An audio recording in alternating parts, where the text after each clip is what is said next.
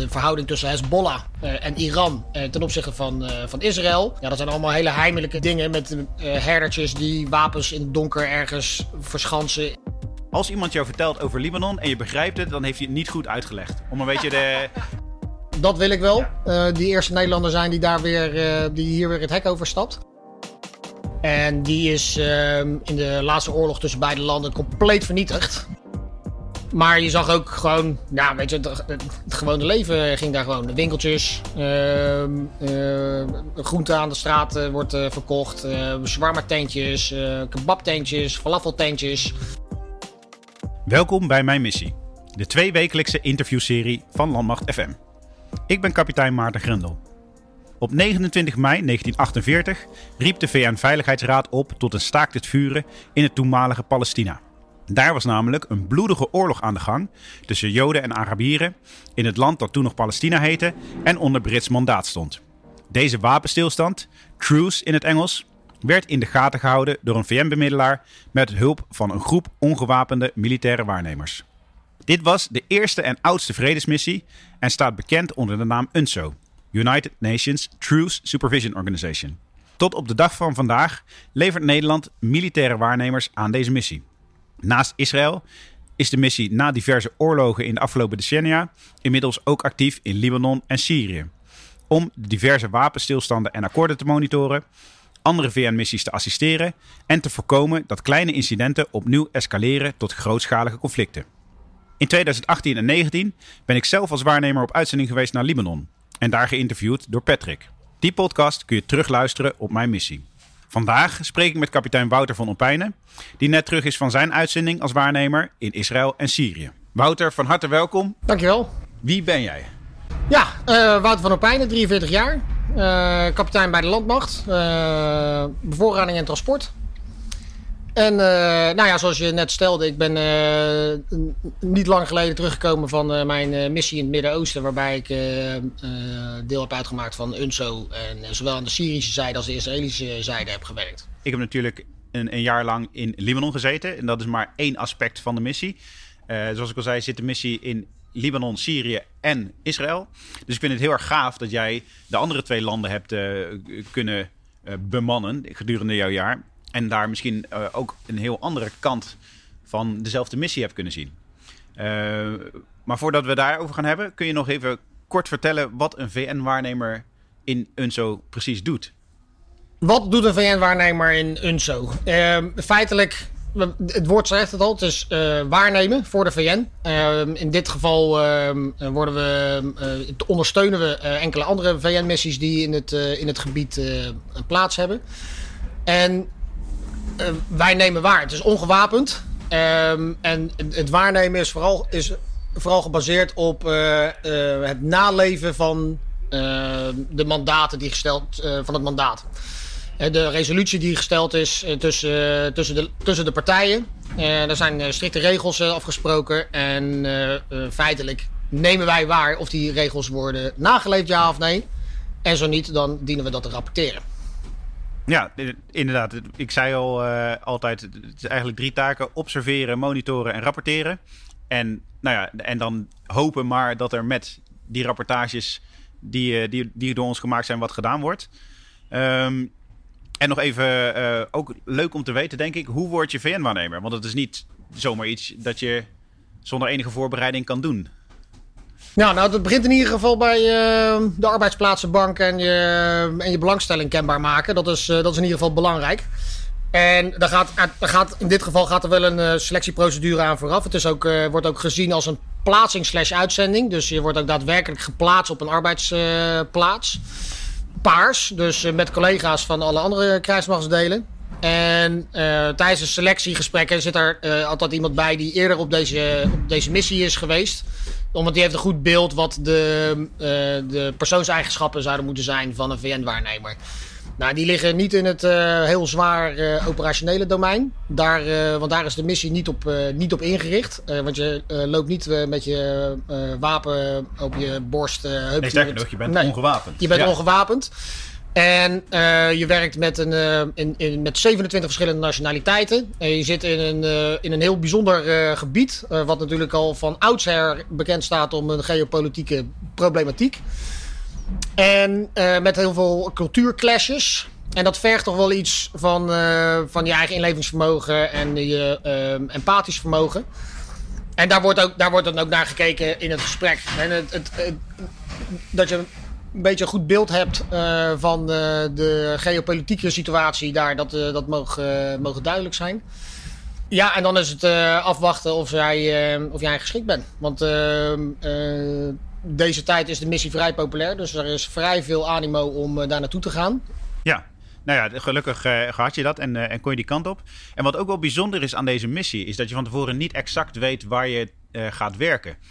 je gaat naar het gebied, dat weet je. Um, maar het, het kan ook zomaar zijn dat je uitgeleend wordt aan een andere missie. Gedurende mijn tijd daar zijn een aantal collega's uitgeleend aan de, de, de toen net opgestarte missie in Jemen. Nou, dat is natuurlijk een, een totaal ander gebied. Um, maar je wordt daar ook op voorbereid om in een heel breed spectrum van uh, situaties je werk te kunnen doen. Maar in ieder geval uh, is de kans groot dat je uh, ja, in Libanon, Israël of Syrië terechtkomt. Alleen je kan van tevoren ja, niet echt een voorkeur aangeven. Ik had wel een voorkeur voor Libanon, moet ik zeggen. Want uh, ik had van een, een, collega die daar eerder had gezeten hele goede verhalen gehoord over het land en, en de gastvrijheid en de, en de mogelijkheden daar. Plus het feit dat je in Libanon vooral heel veel patrouilles met een, met een voertuig aan het rijden bent. En die, die, uh, die, die, dynamiek en die vrijheid om zelf je eigen patrouilles voor te bereiden en te rijden, dat sprak mij wel aan. Dus ik moet zeggen, ik was best wel blij dat ik ook naar Libanon ging en niet naar Israël of Syrië. Wat in mijn ogen wat statischer was, omdat je veel op OP zit. Maar ik weet niet hoe dat voor jou was. Ik weet niet of jij van tevoren een voorkeur had en, en hoe dat uiteindelijk is uitgepakt. Ja, ja, die voorkeur die leg je neer bij de National Senior, die uh, ook in het uh, gebied zit of naar het gebied gaat. En binnen, de, binnen UNSO gaan ze kijken naar vraag en aanbod binnen de verschillende missies. En dat is heel erg sterk afhankelijk ook van interne verschuivingen, omdat je ook tijdens je missie zelf kan opteren naar een andere positie of een andere locatie. Uh, dat betekent dat ze daar met een uh, schuifplaat bezig zijn. En je daarvan afhankelijk bent op het moment dat je het gebied binnenkomt. En ik zal je heel eerlijk bekennen dat mijn voorkeur was in, in eerste instantie ook uh, de uh, Libanon. En, dat, en, ik wil daar ook graag met een, met een paar collega's die daar ook naartoe wilden, ook naartoe. Want daar kon ik heel goed mee opschieten. En dat leek mij wel, leek mij wel heel erg gezellig ook. Het is Israël geworden. En je hebt gelijk, Israël ten opzichte van Libanon is aanzienlijk statischer. Je eigenlijk eh, doe je heel beperkt patrouille rijden. En de patrouilles die je rijdt, daar stap je niet uit. Dat doe je, je observeert vanuit je voertuig. En is het voor de rest uh, draai je shiften op de OP's. Voordeel wel was dat in, uh, in, uh, in Israël je heel veel bewegingsvrijheid. Nou, ik moet nu zeggen had, want dat is eventjes, uh, ja, dat precies, is eventjes dat is niet meer. Een bijzonder aspect van je, hebt heel veel bewegingsvrijheid. Ik bedoel, ik, had, ik had gewoon een autootje gekocht voor, voor 1000 dollar. En dan kon ik mee naar het strand en, en een surfplank huren. En dat, dat zijn natuurlijk wel hele leuke dingen om als je een weekendje vrij hebt of een dagje vrij hebt. Ehm, niet ingepland bent om te gaan doen. Dat maakt, dat, dat maakt het wel, wel leuk en dynamisch. Um, maar ik, ik, sluit, sluit me aan bij jou. En dat, zo heb ik het ook zelf ervaren. Dat op een gegeven moment is het voor, voor mij was dat ook het geval dat, dat werk inhoudelijk er vrij snel sleur in uh, dreigde te ontstaan. Ja, ja, want het is natuurlijk een, een, een gebied waar van uiterste. In de periode dat ik er zat, was het relatief rustig. Ook op, op militair operationeel gebied. Er waren wel wat incidenten, maar ja, geen, geen grote heftige bombardementen of aanslagen. Dat, dat is de afgelopen maanden wel uh, een stuk onrustiger geworden. En ook in Israël. Je, je kijkt natuurlijk, uh, ik ben in Israël op werkbezoek geweest. En je kijkt uit op Syrië, waar je gewoon de, de rokende puinhopen van de oorlog kunt zien. maar op dat moment ja, was de grootste deel van de strijd daar al gestreden. Ehm, ik weet niet hoe dat voor jou eruit zag. Heb jij op de Golanhoogte ehm, ja, alleen maar naar een lege vallei gestaard? Of heb je daar ook nog andere dingen gezien? Nou, ik zou zeggen eigenlijk naar een uh, lege vallei. Want je zag inderdaad een, uh, een uh, gebied wat langzaam aan het opkrabbelen was naar, naar het in, intern Syrisch conflict. dus je zag eigenlijk langzaamaan de boertjes weer aan het werk en er werd op landerijen gewerkt. En in de tijd dat ik in Israël zat, leek er in ieder geval niet zo heel erg veel te spelen. En dat betekende dat je met heel af en toe gebeurde er iets. Dat, dat, ehm, en daar ben ik zelf niet bij geweest, maar collega's van mij dat Israëlische tanks schoten hebben gelost in die area of separation of over de area of separation op een doel wat, wat voor hun niet zichtbaar is geweest. Ja, wat daar exact achter zit, dat weet je maar nooit. Maar om nou te zeggen dat ze daar grootschalig met elkaar in de clinch lagen, dat was zeker, niet het, zeker niet het geval. Ja, dus, dus voornamelijk het observeren is, dat, dat kon redelijk, redelijk saai zijn. Omdat er eigenlijk niet zo heel erg veel gebeurde. Dat het land was echt aan het opkrabbelen. En dat wat er gebeurt, dat zijn dingen die onzichtbaar zijn. Als het gaat om, om nou ja, de verhouding tussen Hezbollah en Iran ten opzichte van, van Israël. Ja, dat zijn allemaal hele heimelijke dingen met, met, met herdertjes die wapens in het donker ergens verschansen in de grond of iets dergelijks. Of door het hek heen proberen te komen. Ik heb geen idee. Maar dat zijn, ja, die, die, dat zijn dingen die zie je niet. Daar hebben we het materiaal niet voor, daar is de afstand te groot voor. En ehm, je dekt ook niet gewoon alle, elke vierkante meter. Dus zo, zo simpel is het. Ja, dus dat er onderhuids absoluut spanningen waren en er dingen gebeurden. En met name dat in het begin van de missie. Later veranderde dat nog wel, want daar komen we straks nog wel op. En je merkte je dat aan de Israëlische kant. In 2016 is pas de missie in. Uh, de, zijn er weer UNSO-waarnemers naar Syrië gegaan. Want die zijn in 2014 allemaal. Uh, is het hele VN Precies, toen werd het echt te gevaarlijk. Toen zijn de waarnemers daar ook gewoon een aantal keren beschoten. En, ja, uh, ja, ja, eigenlijk, uh, gegijzeld. Daar hebben we ook Nederlandse collega's uh, van die daar, die daar een, een hele interessante verhaal over zouden kunnen vertellen waarschijnlijk. Maar die, ehm, ehm, die merkte dat er een beetje zo'n sfeer hing. die ik zelf eigenlijk nooit echt begrepen heb. Dat alles over het hek heen. Dus zeg maar het, het technische hek wat de Israëli's hebben geplaatst daar. En daar staan onze OP's ook langs. Ja. Want alles daar overheen is gevaarlijk. En alles aan, uh, aan deze kant van het hek is veilig. Ja. Ik heb later ook aan de lijve ondervonden dat dat niet het geval is. Maar dat is wel een, een, een gevoel en een sfeer die daar hangt. En, ja. Ja, ja, wat, wat goed is om te weten, uh, ten tijde dat ik er zat, 2018 uh, tot zomer 2019, toen was men weer langzaamaan bezig om, om VN-waarnemers naar Syrië te krijgen. Om ze daar weer uh, uh, wat actiever deel te laten nemen aan, uh, aan de, de, operationele activiteiten. Voor Nederland was het toen nog een, een, een no-go. Er was niet voldoende geneeskundige ondersteuning. als je daar gewond zou raken, dan, dan, had je gewoon echt wel een probleem. Nou, dat werd langzaam verbeterd. Er kwamen militaire ziekenhuizen weer beschikbaar. En eigenlijk net nadat ik wegging, gingen de, de eerste Nederlanders ook naar Syrië. Nou, jij was daar één van. Ja. Um, hoe is dat gegaan? Heb jij gewoon op een gegeven moment geopteerd op een functie daar? Of uh, hoe ging dat in zijn Nou, ik, uh, het speelde natuurlijk al langer dat er vanuit het gebied uit druk naar Nederland is uh, gelegd van we moeten Nederlandse waarnemers ook naar Syrië sturen. Hè, want ook de, de VN daar moet, moet gewoon aan, aan, aan een meerdere nationaliteiten voldoen. Of in ieder geval de UNSO-missie. En ehm, ja, als het maar een beperkt aantal zijn, dan beperk je jezelf in het, in, het, uitvoeren van je mandaat. Nou, dat, die, die druk die werd wel uh, duidelijk. De randvoorwaarden die in Nederland ooit heeft gesteld, die uh, leken ingekleed. En uh, is er besloten op hoog niveau dat we toe zouden staan om de Nederlandse waarnemers naar, naartoe, naar Syrië te gaan. Nou, toen was ik de eerste die mijn hand opstak. Denk ze van nou, dat wil ik wel. die eerste Nederlander zijn die, daar weer, die hier weer het hek overstapt. Nou, dan was ik ook de eerste. Ik was niet alleen. Ik ging samen met een collega Bert en, van de marine. En die, dus wij zijn met z'n tweetjes hij iets minder vrijwillig uh, dan, uh, dan ik. Want ik stond uh, te popelen. En ja. hij had op dat moment zoiets van... Nou ja, ik ben hier net geland. Ik, ik heb die behoefte nog, ja. nog even niet. Maar toch ging die? Maar toch ging die. Want ja, ja, het is vraag en aanbod in een missie. En je wordt gewoon gestuurd. Dus ja, toen zaten we één keer met z'n tweeën met onze hele en hebben en houden. Uh, mijn autootje had ik overgedragen aan een collega die in, uh, in Israël bleef. Uh, mijn appartement leeggeruimd. En we gingen de grens over. Ja, ja, want dat is ook echt hoe het gaat. en wat ik ook heb gezien met, met buitenlandse collega's die in mijn tijd naar Syrië gingen. Je laat gewoon al je hebben en houden wat je mee hebt, dat laat je in, in een, een, een, Toyota of in een busje. Soms zelfs in een ongepanzerd voertuig. En je rijdt gewoon richting de grens. En dan hoop je maar dat alle administratieve randzaken geregeld zijn, dat je de grens overkomt. En, en hoe was dat? Ja, dat was, uh, dat was. Ja, dat gaat nooit zonder slag of stoot. Want uh, uh, je hebt die. die nou ja, ja we, we noemen.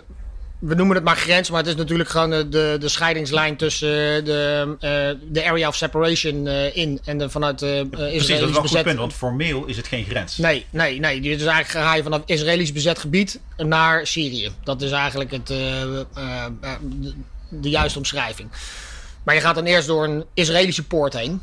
En dan moeten al je papieren kloppen en dan wordt alles bekeken. En dan gaan ze in je, in je koffers kijken of alles klopt. Of je niks meeneemt daar naartoe. Wat zij niet willen dat je daar naartoe meeneemt. Hè? Want er beheerst ook altijd nog een heel klein beetje van... ja, zijn wij niet spionnen voor de andere partij? Ja. Er is altijd wat wantrouwen naar, naar, de, naar de VN. Uh, maar ook uh, smokkel. Het is ook niet, zal niet uh, de enige keer zijn dat er gesmokkeld wordt. Dat, dat gebeurt helaas. En dat, en dat is natuurlijk slecht. Ja, en dan krijg je dus dit soort controles van. Dan kom je bij het VN-deel. Dan krijg je nog een keertje zo'n controle. Dan staat er Indiaanse MP. En die, die trekken heel je tassen leeg. En die controleren met name op dingen zoals voeding. Maar ook alles waar ook maar enigszins lijkt dat er uh, Israëlisch schrift op staat. Ja, precies. Dat mag echt niet mee Syrië in. Nou. nou, en daarna kom je bij het Syrische deel. En dan praat je, je praat nu over een stukje van 100 meter, 150 meter. Daarna kom je bij het Syrische hek. En dan uh, heb je die hele, uh, dat hele circus uh, nog een keertje. Want dan wordt alles nog een keertje opengemaakt. Alles nog een keertje nagekeken. En inderdaad, als er dan iets blijkt tussen te zitten wat één niet op een papiertje staat. Hè, bijvoorbeeld telefoons en, en, computers en laptops, dat soort zaken. GPS'en, camera's. Nou, daar, daar, zijn ze dan heel, worden ze heel spichtig van. Ehm, en ja, je documenten moeten, moeten kloppen. En nou ja, als er iets Israëlisch op staat, dan heb je al een probleem. Er zijn zelfs hele issues geweest over de VN-ID's. Want daar staat, staat het in het Engels, Frans, Arabisch en Hebreeuws op. dus daar moesten we dingen afkrabben en afplakken het is eh, een beetje krankzinnig, maar ja, dat is de, de machtspositie die ze toch een beetje hebben en waar, ja, waar we mee moeten spelen. Dus dat, ja, dat, nou ja, goed. En Bert, ik weet niet of je dit een keertje luistert, maar als je dan je paspoort vergeet. ja, dat is inderdaad wel, ja, niet het meest handige om te doen daar. Nee, zeker als er op zoveel details gelet wordt. En ik moet zeggen, de Libanese ja, overgang naar Israël. Want ook dat is formeel geen grens. Dat is de blue line die min of meer in samenspraak met de VN eh, is bepaald tussen die twee landen. En ook op nog heel veel punten betwist wordt. Maar dat, daar kan je een podcast alleen al over vullen. Over die, die grens die geen grens is. Um, daar word je gewoon uh, drie keer gecontroleerd door het ene land, door de VN en door het andere land. En als het ergens niet klopt, dan, dan kan je gewoon weer rechtsomkeerd maken. En vaak werd het ook gewoon wel als een, um, ja, een politiek pressiemiddel ge gebruikt om een beetje de VN te pesten. Zo, zo werd het echt ervaren. En ja, het is interessant om te horen dat dat aan de andere kant niet anders was. Ja. Maar op een gegeven moment ja, heb je alle controles gehad. Ge ik weet niet of het door Bert misschien iets langer duurde, maar dan ben je in Syrië. En nou ja, in het Midden-Oosten lijken sommige landen wel op elkaar, en, maar andere dingen ook niet. Wat was, het, was jouw eerste indruk toen je Syrië binnenreed? Ja, dat is wel bizar, want je rijdt daar de plaats Kinetra in. Dat is de voormalige hoofdstad van, van de Golan-provincie. En die is ehm, ehm, in de laatste oorlog tussen beide landen compleet vernietigd. En die is, die is zo blijven bestaan. Uh, ook als een soort van uh, ode aan, of uh, als een duidelijk beeld van hoe, hoe erg het allemaal is. Dus, dus de, je eerste, eerste indruk is meteen een volledig vernietigde stad. Dus dat, ja, dat, dat, dat, dat oogt al meteen dat indrukwekkend. Vervolgens ehm, rij je verder en eigenlijk rij je dan door landerijtjes heen. En het, en het, en het, het oogt armoedig. Um, en heel veel dingen waren natuurlijk ook kapot door, de, door, de, uh, door het Syrisch conflict. Maar je zag ook gewoon, ja, weet je, het, gewone leven ging daar gewoon. Winkeltjes, uh, uh, groente aan de straat uh, wordt verkocht, uh, shawarma tentjes, kebabtentjes, falafeltentjes. Rijden, rijden overal auto's ehm, van, van, van verschillende makelaardij en, en, en bijbehorende prijsklasses. Dus dat was in één keer een heel, uh, een heel ander uh, beeld. En dan kom je op een VN-kamp. En dat was natuurlijk wel even anders dan wat ik in de Israëlische kant had. Want daar woonden de VN-waarnemers in een eigen appartement, die je ook huurt. Die moet je, uh, dan krijg je van de VN dan krijg je daar een vergoeding voor om zo'n appartement te huren. En in, ehm, in Syrië was vroeger, normaal gesproken, of de standaard zou zijn dat de VN-waarnemers in Damascus een appartement hebben. Ja, wat, wat natuurlijk altijd gewoon een hele mooie en ontwikkelde stad was. En dat, naar wat ik weet, nog steeds relatief is, omdat die door de oorlog niet heel veel uh, schade heeft geleden. Maar ja, nou, ik ben, een, ik ben een reiziger. En, uh, maar dit is de meest authentieke, indrukwekkende stad waar ik uh, ben geweest. Ik vond het echt super gaaf. En het is veel liberaler als dat je misschien zou, zou geloven. En dat, nee, ik, vond het, ik vond het echt prachtig. Met ontzettend vriendelijke bevolking. Dus was, ik vond het altijd een feest om daar op mijn vrije dag naartoe te gaan. Ja. ja. Maar uh, ja, het verschil is dat de, de veiligheidssituatie schrijft voor of dicteert, of eigenlijk de Syrische overheid dicteert, dat we op een kamp moeten gaan uh, zitten, omdat zij zijn verantwoordelijk voor onze veiligheid, volgens, uh, volgens de resolutie. En als zij dus aan kunnen geven dat zij dat niet kunnen garanderen, dan gaan zij daar dus op reageren en ons ja, verplichtingen opleggen. Nou, een daarvan was dat wij dus niet in de maskers konden wonen en dus op het, op het Undof-kamp zaten met iedereen. Ja, en, en hoe was dat? Uh, ik, ik ken de kampen uh, van uitzending in Mali. in, in Libanon zat je ook in een appartement en zat je tijdens je patrouillediensten op een, een patrolbase. Wat, nou ja, wat Spartaanser was, maar ook prima vertoeven. Je kon er je eigen eten kopen en, en koken. Ehm, je had sportfaciliteiten. Hoe, Kamp was het volgens mij waar Kamp je op zat? ja. ja. Uh, eigenlijk, nou, eigenlijk wat je zegt, eigenlijk was alles er. Ik bedoel, het is een kamp uh, wat. Uh, dus, ze moesten het wel even herbouwen na het Syrisch conflict. Maar het is een kamp wat natuurlijk in 1974 al begonnen is met bouwen. Dus ze hebben daar eigenlijk alle faciliteiten wel aanwezig. Wat diverse eetzalen. Er zijn natuurlijk wisselende nationaliteiten die daar contingenten naartoe sturen. Nou, in dit geval hadden we het Nepalese contingent, een Indiaans contingent en een Ierse contingent. Uh, met de bijbehorende eetzalen. Dus je kon eigenlijk een soort van uit eten uh, gaan. Hè, die moeten wij dan wel zelf betalen, want je, zit, je staat niet in de voeding uh, daar. En ehm, je leeft in de prefabs. Vier prefabs die aan elkaar gekoppeld zijn met in het midden een, een woonkamer slash keuken. En dan heb je eigenlijk vier slaapkamers met daartussenin een klein badkamertje. Dus je hebt wel een plekje voor jezelf. En ik vond het uiteindelijk fijner, want ik merkte dat ik in Israël me soms eenzaam heb gevoeld. Omdat uh, ja, je draait allemaal van die, van die verschillende shiften. Er zijn tussentijds is een derde ongeveer is op, is op verlof. -hmm. Ja, dan komt het wel eens voor dat je gewoon twee, drie dagen uh, geen dienst hebt. En dan, uh, maar ja, dan zit je dan alleen in Tiberias. Weet je? Dan is er eigenlijk niet iemand om mee op te trekken. Ja. En dat, dat vond ik echt heel vervelend af en toe. En in ehm, Syrië was dat niet het geval. Want je hebt altijd mensen om je heen. Want je zit met z'n allen bij elkaar ja, op een kamp. Ja. En dus als je alleen wilde zijn, dan kon dat. Uh, maar als je dat niet uh, wilde, ja, dan loop je gewoon bij iemand anders naar binnen. En, uh... ja, ja, eigenlijk is het ook wel gezellig inderdaad met z'n allen op zo'n zo'n klein compound zitten. Is, ook, is ook mijn ervaring. Um, en, het, en het werk daar? Ja, het werk was iets dynamischer dan in.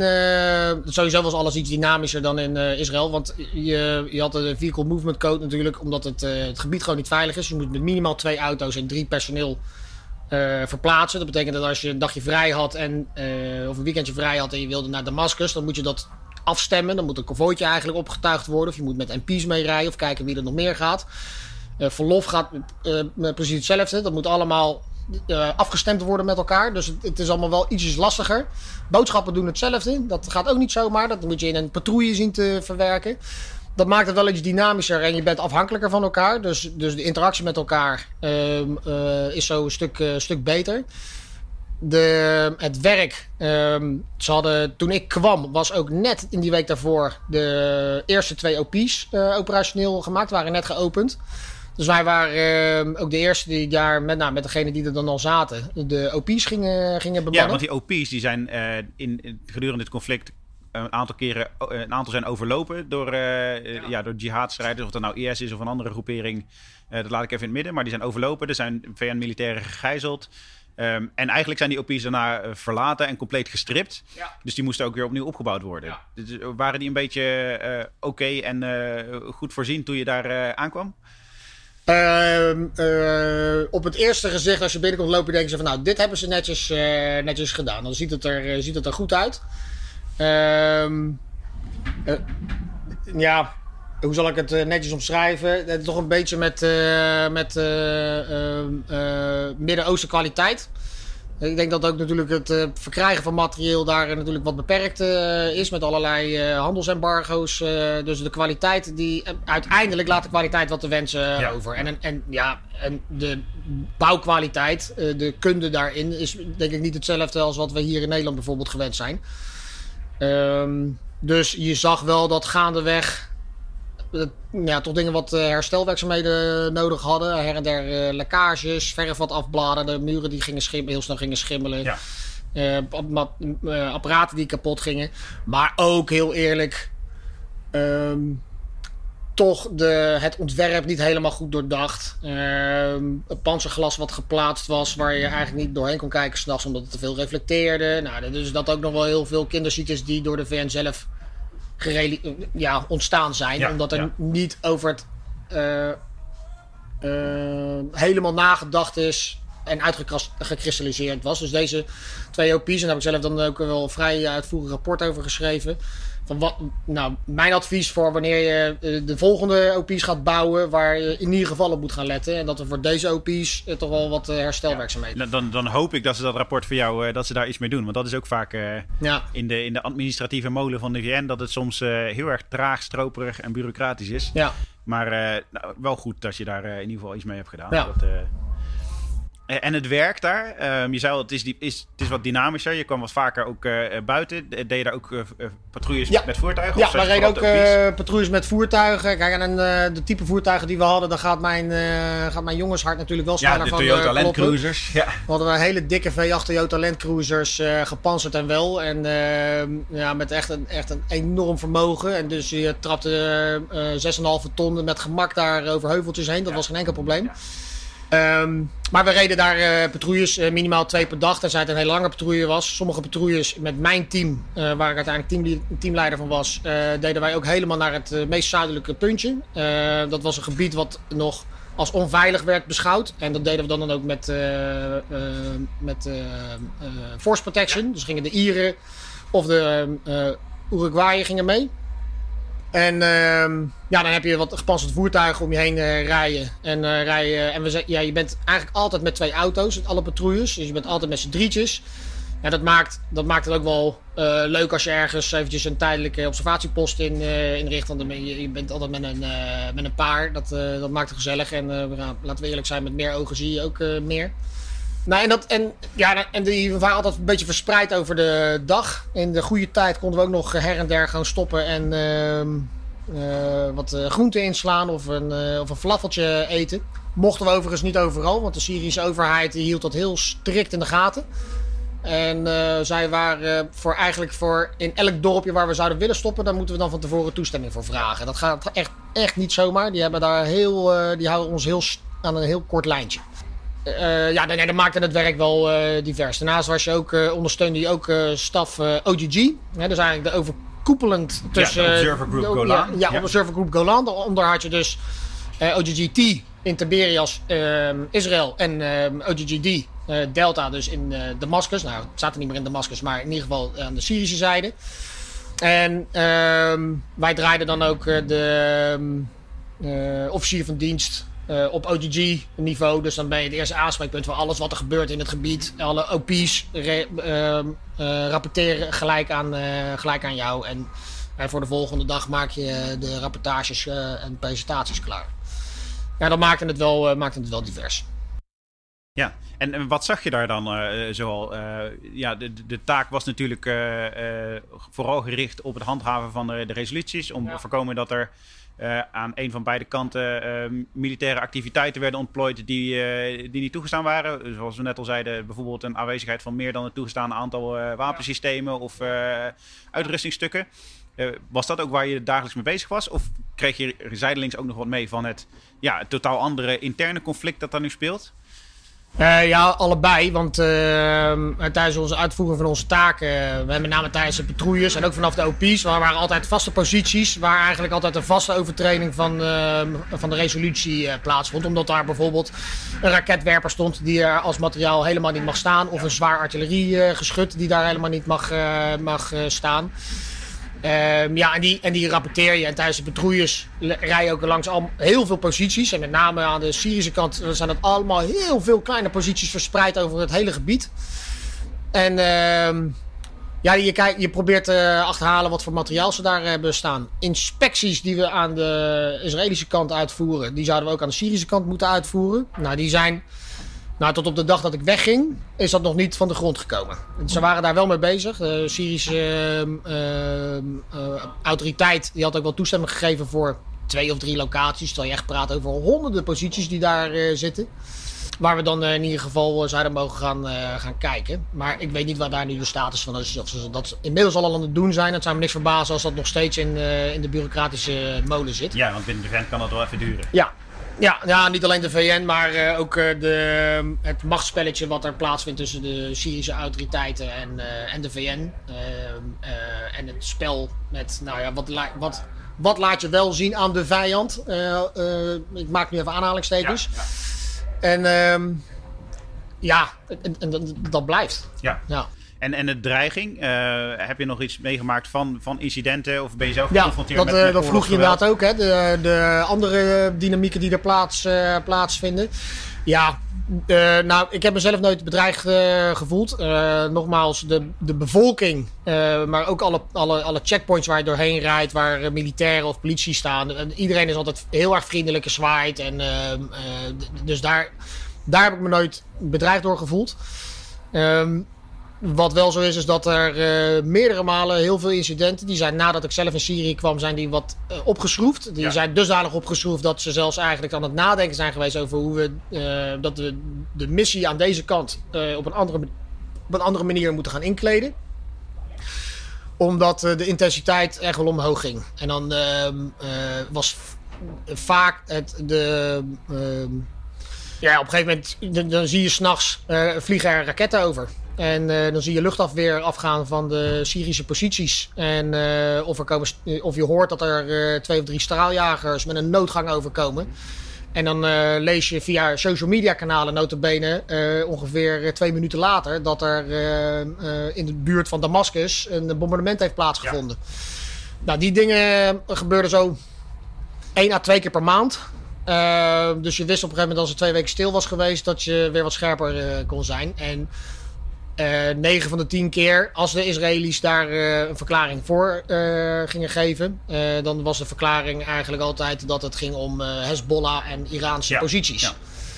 Ja. Um, en, en ter verdediging van hunzelf, van hun eigen veiligheid, dat ze daardoor die, die bombardementen of beschietingen hebben gedaan. En niet gericht op de Syrische overheid. En op het Syrische. Syrische um, ja, niet op, niet, op, niet op hun soevereiniteit. Nee, precies. Want dat, dat is de hele uh, de fragiele balans in dat hele gebied. Uh, ik heb dat zelf in, in Libanon ook altijd heel fascinerend gevonden. Israël en, en Hezbollah met name zijn ja, formeel met elkaar in oorlog. Die, die spreken wel van een, een, een, balans in, in geweld. Op het moment dat de, de ene iets doet, dan komt daar een, een vergelding. Maar die is altijd zo ja, ingecalculeerd dat, het, dat beide partijen ook wel weer zo doen dat ze het niet laten escaleren. Maar het is een beetje over en weer uh, tikkertje met, met raketten en met bommen. Uh, en je zag heel erg dat, dat Syrië daar ook een hele grote rol in speelde. Dat Hezbollah ook steeds actiever werd in Syrië. Ja. Uh, enerzijds om het Assad-regime te steunen en ook, ook te vechten in de strijd tegen IS. Want Hezbollah heeft een hele grote bijdrage ook geleverd aan het terugdringen ja. van, van IS-activiteit in Syrië. En anderzijds ook nog wel om Iraanse belangen in de regio uit te breiden. En die Iraanse belangen zijn gewoon heel simpel ook gericht op het, ja, het beperken van Israëlische invloed. En soms ook met geweld. Ja. En het, is wel interessant dat je in, in Libanon heel vaak hoorde dat dat speelde. Je, je kreeg natuurlijk ook heel veel mee vanuit social media en andere open bronnen. En ook binnen de VN uit informatiekanalen. En in, met name in Syrië gebeurde dat ook. Werd er ook over en weer geschoten en... Ja ja, en als VN zit je daar dan tussen. En dat, dat was wel heel bijzonder. En weet niet hoe, wat jouw ervaringen daarin zijn. Van, Ja, dat, dat, is ook bijzonder. Kijk, je weet dat je neutraal bent. en ook als, in principe ook als neutraal gezien wordt. En, je, en, zijn, en jij niet een bedreiging voor hun bent. Dus, dus vice versa ga je ervan uit van ook niet. De geschiedenis van de missie heeft soms even iets anders laten, laten zien. Hè. Zoals er in 2006 nog een OP eh, vernietigd. en zijn er waarnemers omgekomen. Ja, dat is dus helemaal veilig ben je natuurlijk nooit. Je zit tenslotte wel in een oorlogsgebied. Want ook Israël en Syrië zijn formeel in staat van oorlog. Ja. Die hebben, daar is geen vredesakkoord of iets dergelijks. Nee, daar is een staakt het vuren.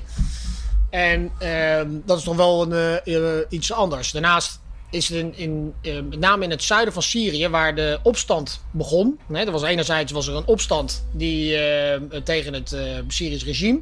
En anderzijds was er gelijk het, het, het, gat dat dat sloeg, gaf dat IS de mogelijkheid om daar ook. Het is een heel, heel complex ja. groeperingenverhaal. En dat is ook niet helemaal voorbij. Tegen, in de periode dat ik wegging, in mijn laatste maand, ging Syrië uiteindelijk ook meer troepen naar het zuiden sturen.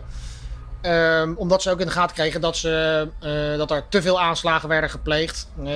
Maar daarom mochten wij ook niet in, in ons hele mandaatgebied komen. Uh, omdat het daar te onveilig was. Omdat er dus aanslagen werden gepleegd op de Syrische overheid.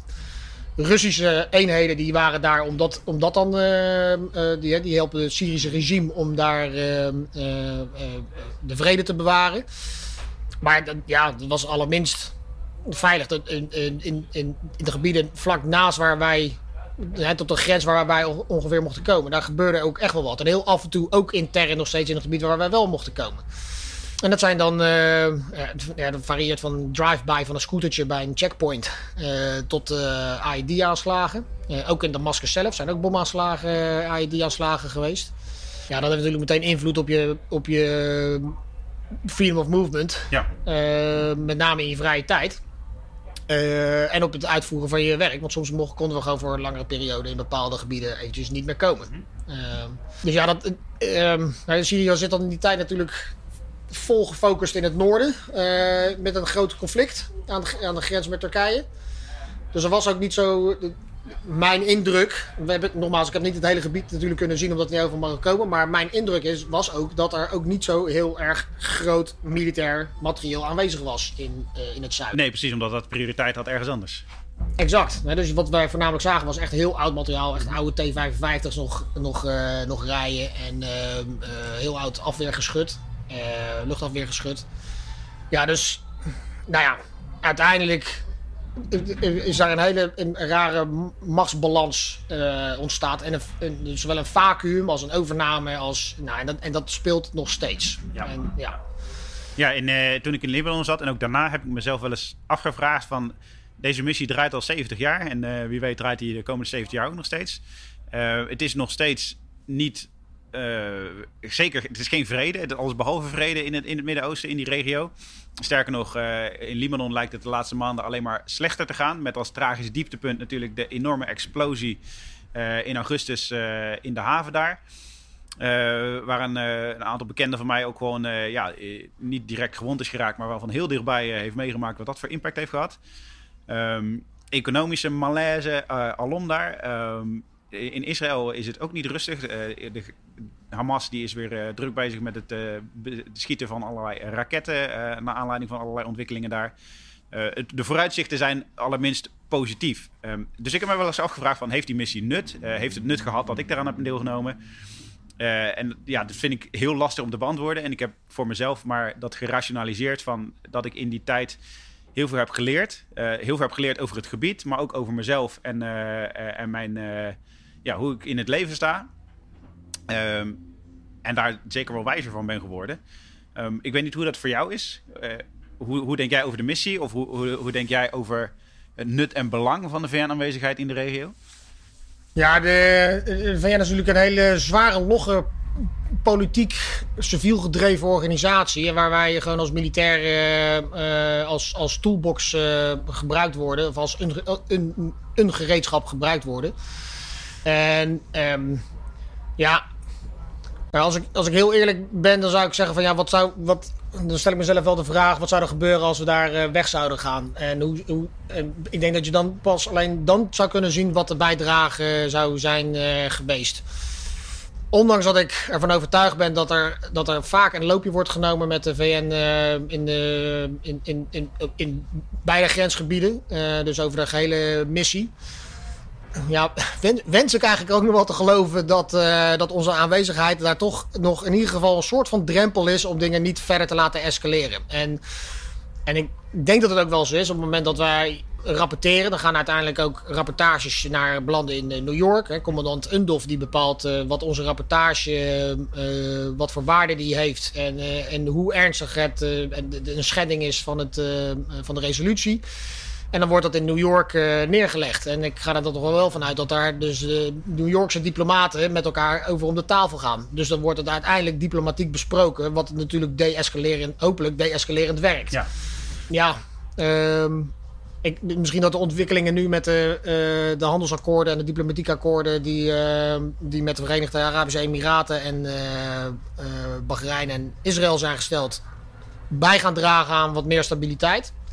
Maar gevoelsmatig zeg ik dat, dat juist dat soort uh, situaties het misschien nog, nog lastiger maken. Omdat andere uh, Arabische milities, om het zo maar te noemen, of Arabische belangen, uh, als we dan praten over Hezbollah of Iran, zich natuurlijk verlaten voelen door, door broeders. Ja. Ehm, de, de Soenitische verhouding. Ehm, dat wak, het wakkert ook weer andere ellende aan. Ja. Ehm, ja. Dus zal het stabiliseren? Ik denk, ik denk het niet. En zal de missie nog 70 jaar doorgaan? Nou, ik hoop uiteindelijk een keer in uitgeslankte versie. Maar uh, pending een final peace settlement is nog ver weg. Ja, ja zeker. En wat, wat ook uh, heel bijzonder is uh, geweest... in de periode dat jij er zat... brak uh, het coronavirus uit. COVID-19, ja, oorsprong in China... maar heeft inmiddels ieder land denk ik wel geraakt... in meer of mindere mate. Dus ook het Midden-Oosten.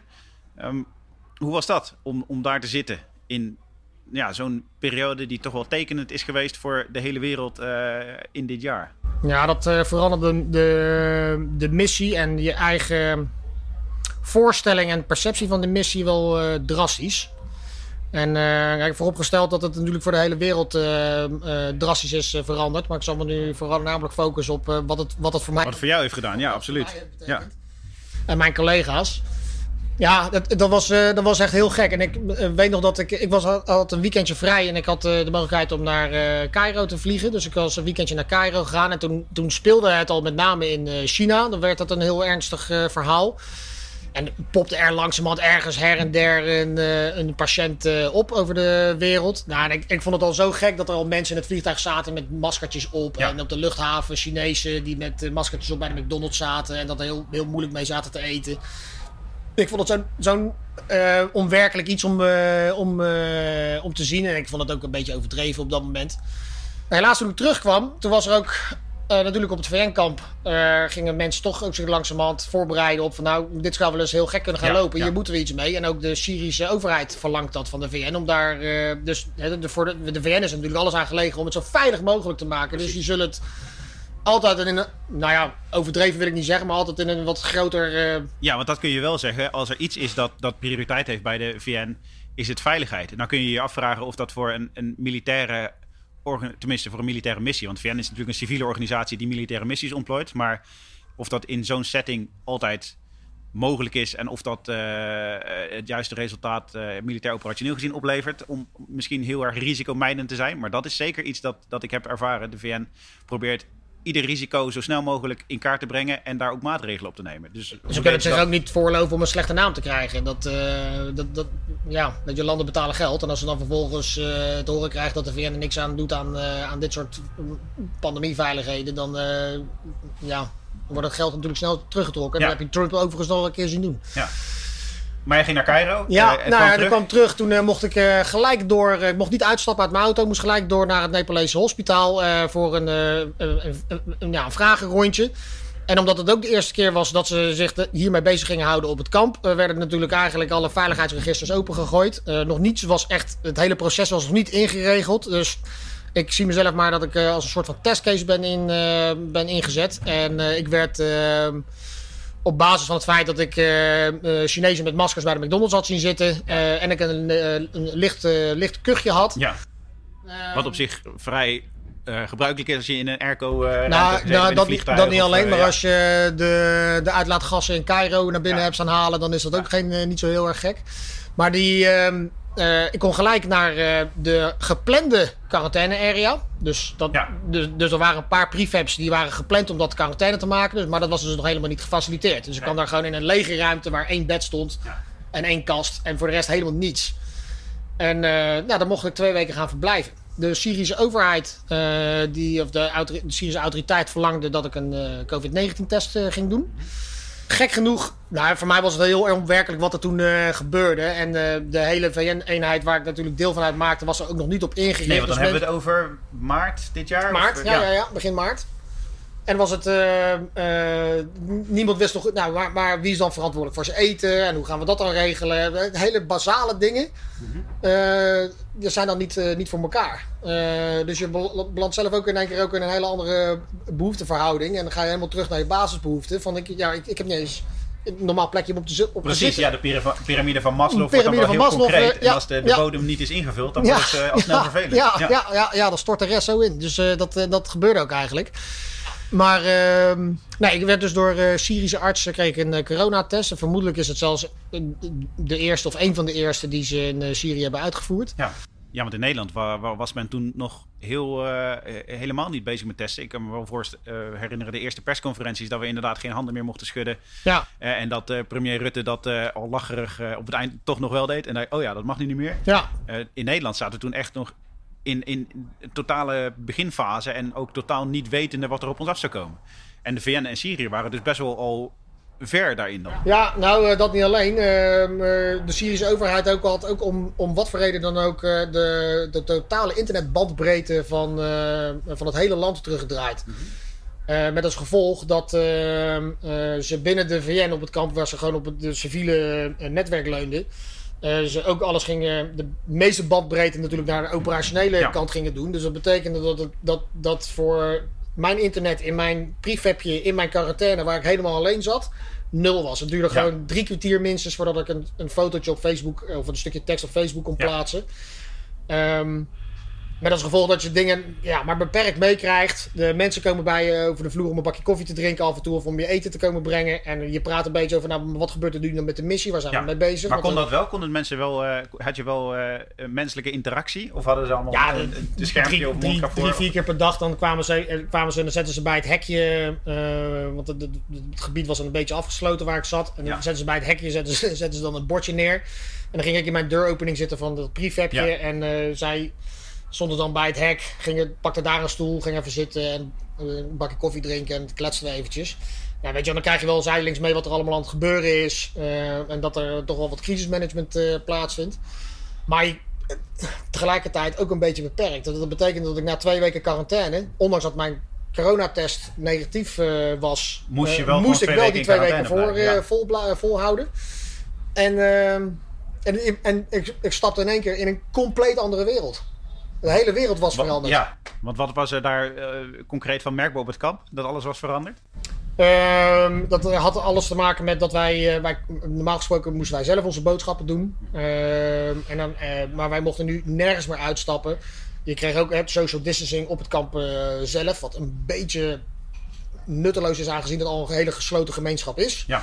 Maar oké, okay, social distancing op het, op het kamp zelf, dat had meteen invloed op de eetzalen. Ehm, wij konden ook niet meer aan ons water komen. Dus moesten van alle, allerlei logistieke processen ingericht gaan worden om aan ons water te komen. Dan moesten dus met de, de UNDOF-missie over in, uh, in gesprek om aan ons eten te komen. Want ja, we moeten toch ook naar OP's. Kijk, op het kamp zitten en bij de eetzaal eten, dat, was, dat, dat kan nog. Ja. Maar we moeten ook naar onze OP's. En daar moeten we ons eigen, eigen potje koken. Ja. Dus we moeten boodschappen doen. Ja. Nou, hoe gaan we dat dan regelen? Dus dat... Uh, nou ja, gelukkig heb je dan een logistiek officier die toen ik er weer uitkwam, uh, daar een beetje invulling aan kon geven. die logistieke achtergrond toch nog van pas. Ja, ja. ja. En, uh, ja, en ja, je ziet dat. En, en wat het voor het meeste was, is dat natuurlijk de luchthavens dicht gingen. Dus mensen konden gewoon in één keer niet meer. Die stonden gepland op verlof. En de, uh, s'avonds kregen ze te horen van ja, morgen is de luchthaven in Libanon dicht.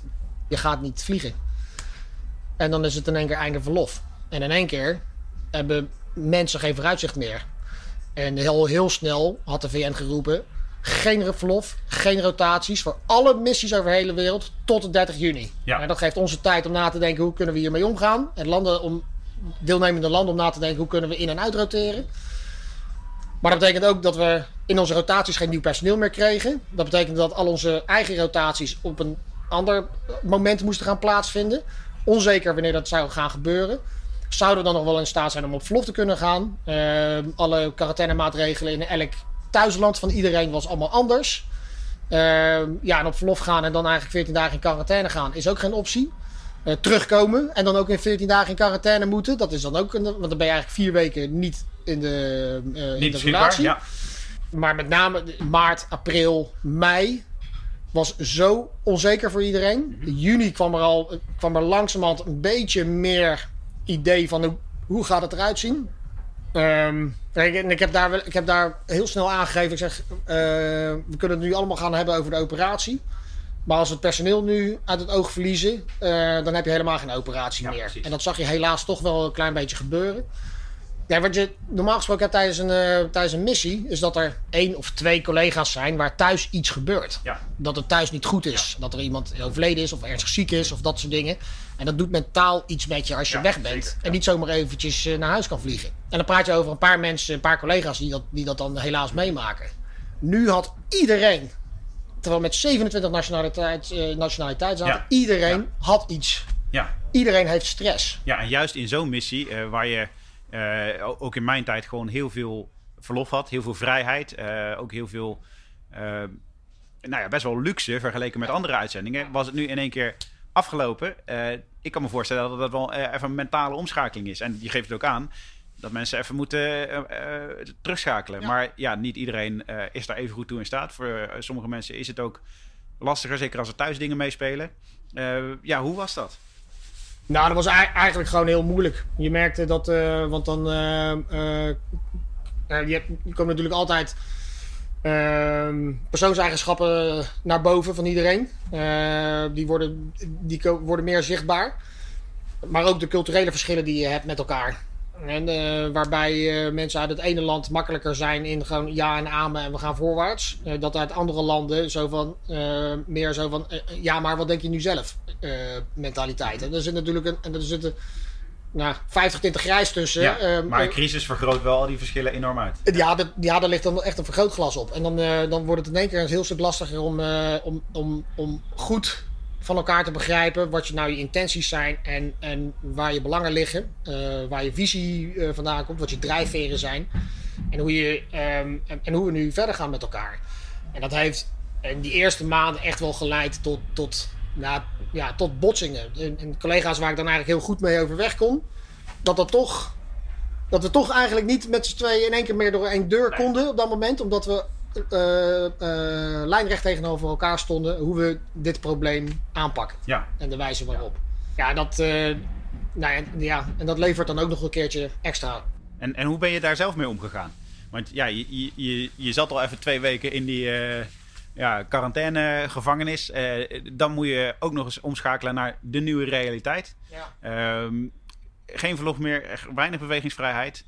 En je zit daar toch met een bepaalde opdracht als militair. Ehm, hoe heb je dat gedaan? Nou, ik kan wel geruststellen dat het best een hele moeilijke tijd is eh, geweest. En ook, ook in diezelfde periode gebeurde hier thuis nog wel wat, eh, wat dingen die invloed hebben gehad. En dat, dat, dat maakt het zeker niet makkelijker. En als je dan ook daar tegen je, de frustra ja, dat je gefrustreerd raakt door je eigen leidinggevende, le- leidinggevenden. eh, en hoe er met crisismanagement wordt omgegaan, hoe er naar personeel wordt, eh, wordt gekeken. Ehm, en je dat heel erg gaat frustreren omdat je tegen muren oploopt. Ehm, en tegelijkertijd ook, ik was teamleider, dus ik had ook de verantwoordelijkheid. Ik praatte ook namens hun. Ja. Het was niet mijn eigen belang. Ehm, en dan is het heel moeilijk om als je daar gewoon. Als je daar alleen maar tegenaan botst, om daarmee eh, mee te worstelen. Dus dat maakte het voor mezelf ook wel leerzaam als het gaat om een stuk reflectie. En ook hoe ik dingen, hoe ik kijk tegen eh, leiding geven. ehm, eh, welke facetten ik daar belangrijk in vind en wat ik denk dat daar het beste in, eh, werkt. En dat wil niet zeggen dat ik alles goed doe. Maar ik denk wel na over van als ik het niet goed doe, wat er dan anders zou hoe ik het dan anders had moeten, moeten doen. Die reflectie miste ik nog wel eens op, op andere niveaus. De steun kwam voornamelijk uit mijn, uit mijn team. Uh, ik had een hartstikke leuk team die mij vertrouwde en ehm, die mij ook niet hebben laten vallen. Dus op het moment dat ik er doorheen zat, dan kon ik dat ook gewoon kwijt. Uh, en dan had ik gewoon collega's uit over heel de wereld die, uh, die er waren om, uh, om op te vangen. Ik heb heel veel gehad aan, aan mijn plaatsvervanger, een major uit Noorwegen. Daar kon ik heel goed mee, mee sparren. Een kapitein uit, uit Zwitserland, dat was gewoon een maatje van me. En ja, dan heb, dan heb je dat soort mensen om je heen nodig. En af en toe gewoon met een biertje in je hand ehm, kunnen stoom afblazen is dan, is dan heel belangrijk. Gelukkig ging de gym niet dicht, dus ik heb nog wel wat aan, met wat gewichten kunnen gooien. Dat is ook altijd een hele goede uitlaatklep. Ja, ja, ja, ja, dat doet dan wel wat. En het allerbelangrijkste wat uiteindelijk gebeurt is dat mijn plaatsvanger zou mijn taak gaan overnemen als teamleider. Um, is dat we ook uh, toen duidelijk werd wanneer ik zou gaan uitroteren. Wat een maand later gebeurde dan uh, initieel gepland. Um, dat we al in een vrij vroeg stadium hebben besloten van oké, die laatste maand bouw jij al helemaal af Wouter. En dan neem ik de rol over. Dan kan jij hier eigenlijk al eventjes uh, onthaasten en de boel de boel laten. Ja. En even niet meer geconfronteerd worden met die frustraties. Voorbereiden ook op terugkeer, want dat is ook belangrijk. Ja, ja. ja dat, dat heeft me er uiteindelijk...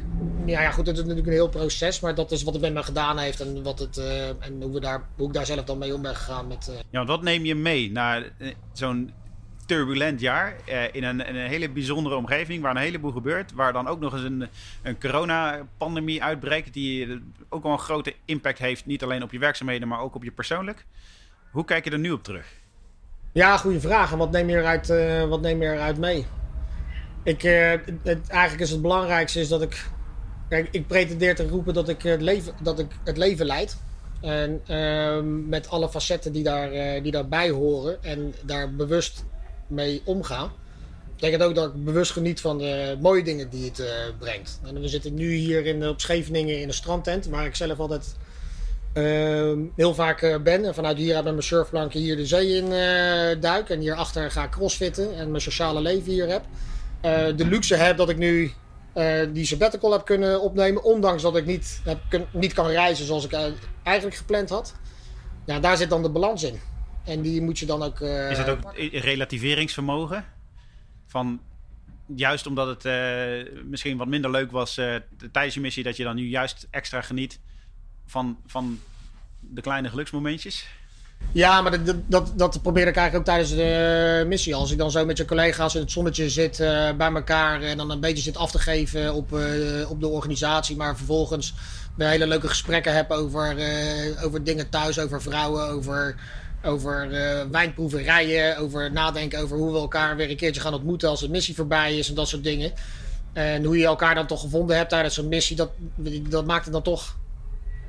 Ja, dat maakt dingen toch de moeite waard. Zou je nu nog met alle, alle ervaringen die je hebt, uh, zou je collega's nog aanraden om voor deze missie te kiezen? Of heb je zoiets van, dan moet je wel heel goed over nadenken of dat je moet er sowieso goed over nadenken, want je bent wel een jaar, een jaar weg. En als er, als er niets aan de hand is, dan levert het je heel veel vrijheid op daar. Een heel interessant uh, werkgebied met, uh, in, uh, in een internationale context, wat heel erg leerzaam is.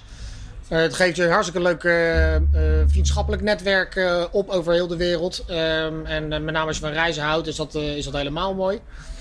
Het, de, je moet om kunnen gaan met de, de, de, ja, de typische frustraties die er vanuit zo'n VN-missie komen. Dan met name de, de stroperigheid. Uh, en, en soms dat je echt nadenkt over van hoe kunnen we op deze. Hoe kunnen we in hemelsnaam zo met het geld omgaan? Uh, ook, de, ook, de culturen die je daar hebt, de manier eh, van uh, leiding geven, die hebben daar ook invloed op. En ehm, ja, je zou toch op soms moet je vanuit je eigen militaire cultuur uh, dan wel je, het land waar je vandaan komt water bij de wijn moeten doen om, uh, om daarmee om uh, te kunnen gaan. Wat in een normale situatie ook prima kan, want je hebt veel verlof, je hebt veel vrijheid, veel mogelijkheden om in, het, in, in het hele gebied te passagieren. Dus vanuit, daar, vanuit dat perspectief zeker doen. Het is nooit een weggegooide ervaring. In, in, goede tijden kan je familie over laten komen. zou ik mensen zeggen zo van je moet het eh, nu gaan doen. Dat vind ik een, eh, hele lastige. Ik wil ook de missie niet, eh, niet ondermijnen. Dat is niet zo, want als Nederland hebben we ook een verplichte bijdrage te leveren aan, eh, aan de missie. Ehm, maar eh, nu in deze, in deze tijd is het wel, eh, wel iets waar je heel goed over na moet denken. En ook als je kijkt naar je, naar je thuisfront. Want Ja, een jaar absoluut. is Ja. een jaar. Ja. Ehm, en die balans moet je wel voor jezelf, eh, die balans moet je voor jezelf uitmaken. Maar in algemene zin, ik zeg doen. Wat de missie voor mij sowieso heeft gedaan, is mijn kijk op het Midden-Oosten heel erg verbreed. Eh, je hebt natuurlijk vanuit Nederland een, een bepaalde perceptie van alles wat daar gebeurt. Ehm, toen ik daar zat, heeft iemand mij een keer verteld van... eh, als iemand jou vertelt over Libanon en je begrijpt het, dan heeft hij het niet goed uitgelegd. Om een beetje de, de, de, de, complexiteit en de, ja, de hoeveelheid aan partijen die daar belangen hebben en wat daar allemaal speelt. En eh, ja, dat spinnenweb van eh, relaties en, en belangen, om dat, dat in perspectief te schetsen. Ik kan me zo voorstellen dat dat voor het hele Midden-Oosten geldt. In hoeverre is jouw blik op het Midden-Oosten en op de regio veranderd door deze missie? Ja, nou, dat is wel leuk wat je dat zegt. Dan stap, nou, doe ik nog een heel klein stapje terug. Eigenlijk al één reden om deze missie te doen is het hele voortraject. Eh, want er zit een partij een, eh, echt hele gave opleidingen en cursussen bij. Waaronder eentje hier... eh, Bij Klingendaal? Bij Klingendaal, ja, ik ik kom even niet op. Hier bij Klingendaal hier in Den Haag. En eh, dan praat je dus met Arabisten. Nou, en dan, en dan krijg je daar eh, eh, les van over, over cultuur in, eh, in het Midden-Oosten. Nou, wat je dan dus inderdaad zegt, er is eigenlijk geen touw aan vast te knopen hoe dat zich verhoudt. En ik heb ooit een keer een soort van mindmap van, eh, gezien op een papiertje. Ja, dat is. Nou ja, daar word je, je helemaal tureluurs van hoe eh, die verhoudingen eh, zowel vijandig als vriendelijk naar elkaar, eh, naar elkaar wijzen.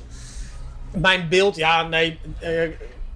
Kijk, ik had, ik had om de een of andere reden ook het beeld dat met name Syrië en, ook Libanon. Ik ben natuurlijk ook een, eventjes zo nu dan in Libanon geweest met dat vlucht zou moeten pakken. Ja, het- het- ik vind het eigenlijk, ik vind eigenlijk geweldig. Die, eh, de, de bevolking, de, de gastvrijheid, hoe mensen met elkaar eh, eh, omgaan, de vriendelijkheid, hoe ik mensen in een kroegje ben tegengekomen in, in Libanon, hoe ik mensen in de supermarkt aanspreken in Syrië of op een terrasje in Damascus. Dat, ja, ik vond dat, ik vond dat prachtig. En, dat, en ik had daar toch denk ik een ander, veel... ehm, ik had het lastiger verwacht. Ja. Ja, en, dan, en, dan, en, en dan is eigenlijk. Ik was in eh, Israël al eens geweest om, eh, op vakantie, eh, tien jaar geleden. Dat vond ik toen vanuit een Bijbels perspectief vond ik dat wel heel interessant om daar te zijn. Maar ook nu ik daar, daar weer langere tijd geweest ben. Ja, is mijn beeld naar, meer naar de Arabische kant als het gaat om waar, waar, waar ik prettig vind om erbij om bij te zijn. Ja, is dat wel, eh, wel omgeslagen. Ik vond het heel, eh, heel mooi. Ja. Onwijs bedankt voor het luisteren. Mijn gast vandaag was kapitein Wouter van Opijnen. Ben je fan van de show? Help ons dan door een review achter te laten op Apple Podcast of Stitcher. En raad deze podcast aan bij vrienden, familie en collega's. En als er nou een onderwerp is waarvan jij vindt dat we dat moeten behandelen, tweet dan met hashtag Mijn Missie of stuur ons een bericht op Facebook of Instagram. Mijn Missie is een productie van de Koninklijke Landmacht. Nieuwe afleveringen komen om de twee weken op maandagochtend online. En je vindt ze in de meeste podcastspelers. Abonneer je en mis geen enkele aflevering. Je volgt de Koninklijke Landmacht via Twitter, Instagram, Facebook en YouTube. En op defensie.nl vind je de laatste nieuws rondom de krijgsmacht. Nogmaals bedankt voor het luisteren en tot de volgende aflevering.